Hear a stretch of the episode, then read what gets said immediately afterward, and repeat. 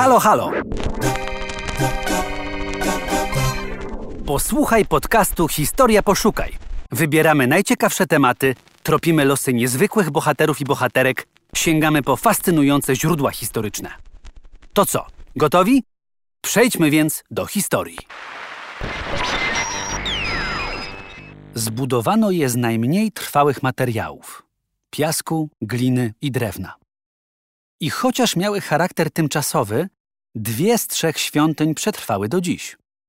Historia kościołów pokoju na Śląsku to burzliwy czas religijnych zawirowań na ziemiach polskich. Wraz z zakończeniem wojny trzydziestoletniej na terytoriach podległych Habsburgom, w tym na Śląsku, religią panującą stał się katolicyzm. Kościoły protestanckie zostały oddane katolikom. Zamknięto szkoły wyznaniowe i zabroniono ewangelickich nabożeństw w domach. Jednak w 1648 roku cesarz Fryderyk III Habsburg zgodził się na możliwość zorganizowania luterańskich kościołów. Miały one powstać w stolicach dwóch śląskich księstw dziedzicznych Świdnicko-Jaworskiego i Głogowskiego. Wraz z wydaniem pozwolenia na budowę każdego z trzech kościołów pokoju narzucono liczne ograniczenia w celu utrudnienia jej realizacji. Przede wszystkim kościoły musiały się znaleźć poza murami miejskimi. Jednakże odległość od fortyfikacji nie mogła być większa niż długość strzału armatniego. Takie położenie umożliwiało zniszczenie budynku w razie zagrożenia lub konfliktu wojennego.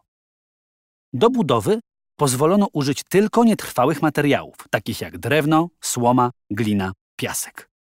Wszelkie koszty musieli pokryć protestanci. Zabroniono także ustawienia wież przy kościołach, zawieszenia dzwonów i organizacji szkół parafialnych. Swoim kształtem kościoły pokoju nie powinny przypominać tradycyjnych świątyń. Wskazanie miejsca poza murami było symbolicznym wyrzuceniem protestantów poza sferę życia miejskiego, a nietrwałe materiały i brak wieży miały nie tylko obniżyć wartość luterańskich domów bożych, ale dodatkowo sugerowały poddaństwo wobec władzy Habsburgów.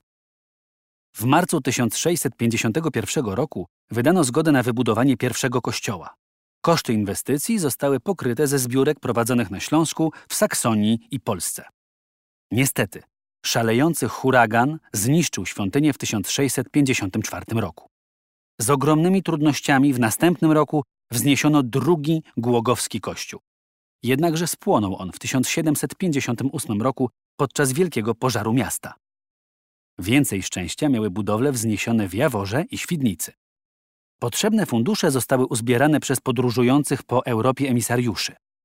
Po dwóch latach kwesty wrócili z sumą 4600 talarów.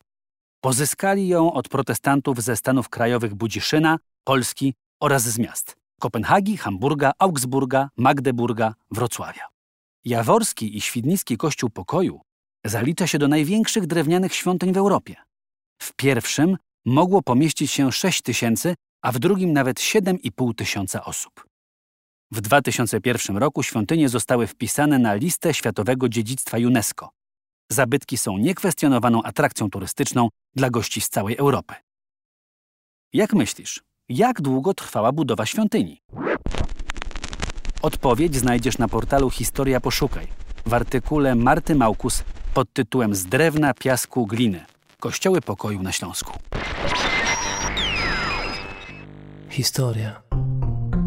Poszukaj.